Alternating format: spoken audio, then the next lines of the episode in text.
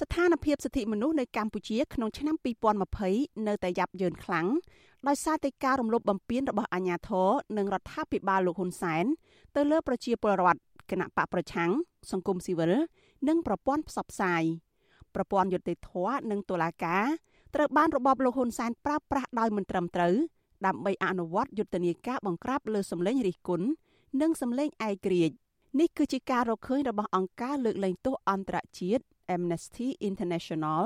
ដែលមានមូលដ្ឋានធំនៅក្នុងចក្រភពអង់គ្លេសសម្រាប់ឆ្នាំ2020អង្គការអន្តរជាតិមួយនេះបានសិក្សានិងវិភាគពីស្ថានភាពសិទ្ធិមនុស្សក្នុងប្រទេសចំនួន149រួចចងក្រងជារបាយការណ៍កម្រាស់ជាង400ទំព័រចេញផ្សាយនៅថ្ងៃទី6ខែមេសាអង្គការលើកលែងទោសអន្តរជាតិរកឃើញថាការរដ្ឋបិទធ្ងន់ធ្ងរទៅលើសិទ្ធិពលរដ្ឋនិងសិទ្ធិនយោបាយនៅកម្ពុជា ដែលមានតាំងពីឆ្នាំ2017មកនោះផ្ទុះឡើងកាន់តែខ្លាំងនៅក្នុងឆ្នាំ2020ជាមួយនឹងការបង្កើតច្បាប់គ្រប់គ្រងប្រទេសក្នុងភាពអាសន្នដែលជាក្របខ័ណ្ឌច្បាប់ប៉ះពាល់ធ្ងន់ធ្ងរទៅលើសិទ្ធិមនុស្សជាមួយគ្នានេះក្រុមអ្នកការពារសិទ្ធិមនុស្សក្រុមអ្នកតវ៉ាដោយសន្តិវិធី និងសមាជិកបកប្រឆាំងនៅតែប្រឈមការយាយីនិងការធ្វើទុកបុកម្នេញតាមរយៈការប្រើប្រាស់ប្រព័ន្ធយុត្តិធម៌ដោយមិនត្រឹមត្រូវ រីឯសិទ្ធិស្ត្រីវិញសិទ្ធិនេះស្ថិតនៅក្រោមការវាយប្រហារឥតស្រាកស្រានពីព្រោះតែលោកនាយរដ្ឋមន្ត្រីហ៊ុនសែនបានដឹកនាំយុទ្ធនាការជាសាធារណៈក្នុងការបកស្រាយតាមអំពើចិត្តចំពោះពាក្យប្រពៃណីនិងវប្បធម៌ដើម្បីកម្រិតសិទ្ធិស្ត្រីដោយឡែកយុទ្ធនាការប្រយុទ្ធប្រឆាំងគ្រឿងញៀនដែលកំពុងតែអនុវត្តមកដល់ពេលបច្ចុប្បន្នវិញយុទ្ធនាការនេះបាននាំមកនូវការរំលោភបំពានដ៏រីករាលដាលទៅលើសិទ្ធិទទួលបានការជំនុំជម្រះដោយយុត្តិធម៌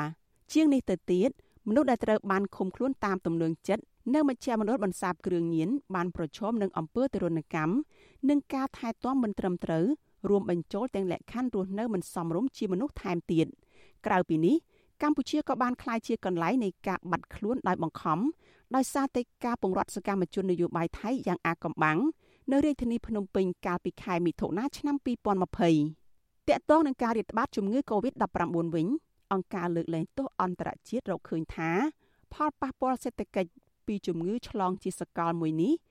បានធ្វើឲ្យកម្មករនិងពលរដ្ឋរាប់សែននាក់ត្រូវប្រឈមនឹងភាពទីទាល់ក្រជាពិសេសអ្នកជំពាក់បំណុលនៅក្នុងកម្ចីខ្នាតតូចទោះជាយ៉ាងណាមន្ត្រីជាន់ខ្ពស់រដ្ឋាភិបាលបដិសេធរបាយការណ៍នេះដោយចាត់ទុកថា ជារបាយការណ៍គ្មានការពិតប្រធានអង្គភិបអ្នកនាំពាក្យរដ្ឋាភិបាលលោកផៃស៊ីផានអះអាងថា ស្ថានភាពសិទ្ធិមនុស្សនៅកម្ពុជានៅក្នុងឆ្នាំ2020មានលក្ខណៈល្អប្រសើរដោយរដ្ឋាភិបាលរក្សាបាននូវសន្តិភាព និងស្ថិរភាពសង្គមទោះជាមានវិបត្តិជំងឺ Covid-19 យ៉ាងណាក្តីលោកចោទប្រកាន់ថារបាយការណ៍របស់អង្គការលើកលែងទោសអន្តរជាតិនេះធ្វើឡើងនៅក្នុងហេតុផលនយោបាយនិងមិនយល់អំពីសង្គមខ្មែរលោកបញ្ជាក់ថារដ្ឋាភិបាលកំពុងកសាងនីតិរដ្ឋតាមរយៈការបង្កើតច្បាប់ និងអនុវត្តច្បាប់ទៅលើជនដែលប្រព្រឹត្តខុស ដោយមិនខ្វល់ពីការលើកឡើងរបស់មជ្ឈដ្ឋានពីខាងក្រៅឡើយគេធ្វើចំនួនជាមួយដូចជាប្រទេសចិនឬប្រទេសវៀតណាមតើប្រទេសទាំងអស់នឹងគ្រប់សិទ្ធិគ្រប់បានរបៀបយ៉ាងណាខ្លះប្រទេសខ្លះគឺអត់មានអង្គការក្រៅរដ្ឋាភិបាលឬសង្គមស៊ីវិលផងមិនគេរកទីជាមួយដូច្នេះរបាយការណ៍នេះគ្រាន់ជារបាយការណ៍និយាការដើម្បីលាបពណ៌នៅក្នុងនិន្នាការនយោបាយដើម្បីផលប្រយោជន៍អ្វីទៅភូមិសាស្ត្រនយោបាយតទៅដូច្នេះយើងអត់ឲ្យតម្លៃទេរបាយការណ៍ហ្នឹងអ្នកណាឲ្យតម្លៃគេឲ្យទៅជារឿយរឿយ មន្ត្រីរដ្ឋាភិបាលតែងតែចេញមុខការពីនិងច្រានចោលរបាយការណ៍របស់អង្គការជាតិអន្តរជាតិសូម្បីតែរបាយការណ៍របស់ក្រុមអ្នកជំនាញសិទ្ធិមនុស្សរបស់អង្គការសហប្រជាជាតិក្រោមហេតុផលដដែលដដែលថា ជារបាយការណ៍ខ្វះមូលដ្ឋាន និងមានចរិតនយោបាយឲ្យតែរបាយការណ៍ទាំងនោះបាននិយាយពីការធ្លាក់ចុះលទ្ធិប្រជាធិបតេយ្យនិងការគោរពសិទ្ធិមនុស្សប៉ុន្តែ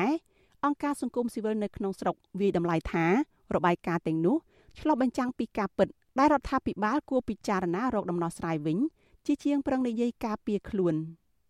ប្រធានផ្នែកសិទ្ធិមនុស្សនៃសមាគមអាត់ហុកលោកនីសុខាមានប្រសាសន៍ថាសិទ្ធិមនុស្សជាគោលការណ៍សកលគ្មានស្តង់ដារពីរឡើយលោកជឿថារបាយការណ៍របស់អង្គការលើកលែងទោសអន្តរជាតិនិងស្ថាប័នអន្តរជាតិដទៃទៀតមិនមែនធ្វើឡើងនៅក្នុងហេតុផលនយោបាយនោះទេតែជាការបង្ហាញពីស្ថានភាពពិតប្រាកដនៃការធ្លាក់ចុះផ្នែកសិទ្ធិមនុស្សនៅកម្ពុជា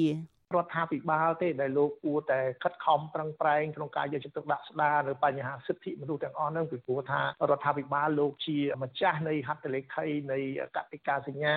ជាអ្នកចុះនៅលើឧបករណ៍សិទ្ធិមនុស្សទាំងអស់ហ្នឹងដូច្នេះហើយខ្ញុំគិតថាมันមានហេតុផលអីដែលវាតាក់ទងនឹងកេងចំណេញខាងនយោបាយខាងអីហ្នឹងខ្ញុំគិតថាមិនមែនទេ ស្ថាប័នអន្តរជាតិជាច្រើនរួមទាំងទីភ្នាក់ងារអង្គការសហប្រជាជាតិនិងរដ្ឋាភិបាលប្រទេសនិយមប្រជាធិបតេយ្យផង បានរកឃើញទទួលស្គាល់និងចេញផ្សាយរបាយការណ៍ជាបន្តបន្ទាប់ស្ដីពីការធ្លាក់ចុះដុនដាបវិស័យសិទ្ធិមនុស្សនៅកម្ពុជា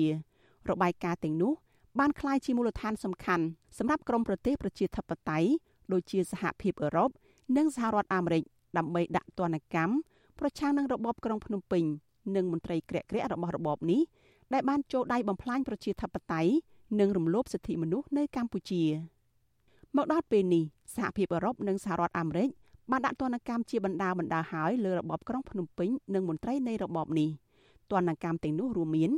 ការដកហូតប្រព័ន្ធអនុគ្រោះពន្ធ EBA ចំនួន20%ការដាក់កម្ពុជាចូលទៅក្នុងបញ្ជីខ្មៅនៃក្រមប្រទេសលាងលុយកខ្វក់ការកាត់ផ្តាច់ជំនួយជាច្រើនដែលគ្រោងផ្ដាល់ឲ្យកម្ពុជា លើកលែងជំនួយផ្នែកអភិវឌ្ឍនិងផ្នែកមនុស្សធម៌ ព្រមទាំងការដាក់ទណ្ឌកម្មជាក់លាក់លើមន្ត្រីក្រាក់ក្រាក់ឈ្មួញរកស៊ីធំធំ និងក្រុមហ៊ុនចិន ដែលពាក់ព័ន្ធនឹងការរំលោភសិទ្ធិមនុស្សនិងអំពើពុករលួយនៅកម្ពុជាក្រុមអ្នកសង្កេតការជឿថាប្រសិនបើរបបលោកហ៊ុនសែនមិនព្រមងាកមកគោរពសិទ្ធិមនុស្សនិងលទ្ធិប្រជាធិបតេយ្យឡើងវិញទេនោះក្រមប្រទេសលោកខាងលិចនឹងពង្រីកទណ្ឌកម្មបន្ថែមទៀតក្នុងនោះក៏រួមទាំងទណ្ឌកម្មលើមន្ត្រីក្រាក់ក្រាក់នៃរបបក្រុងភ្នំពេញជាលក្ខណៈបុគ្គលផងដែរ នាងខ្ញុំសុជីវីអាស៊ីសេរីរាយការណ៍ពីរដ្ឋធានី Washington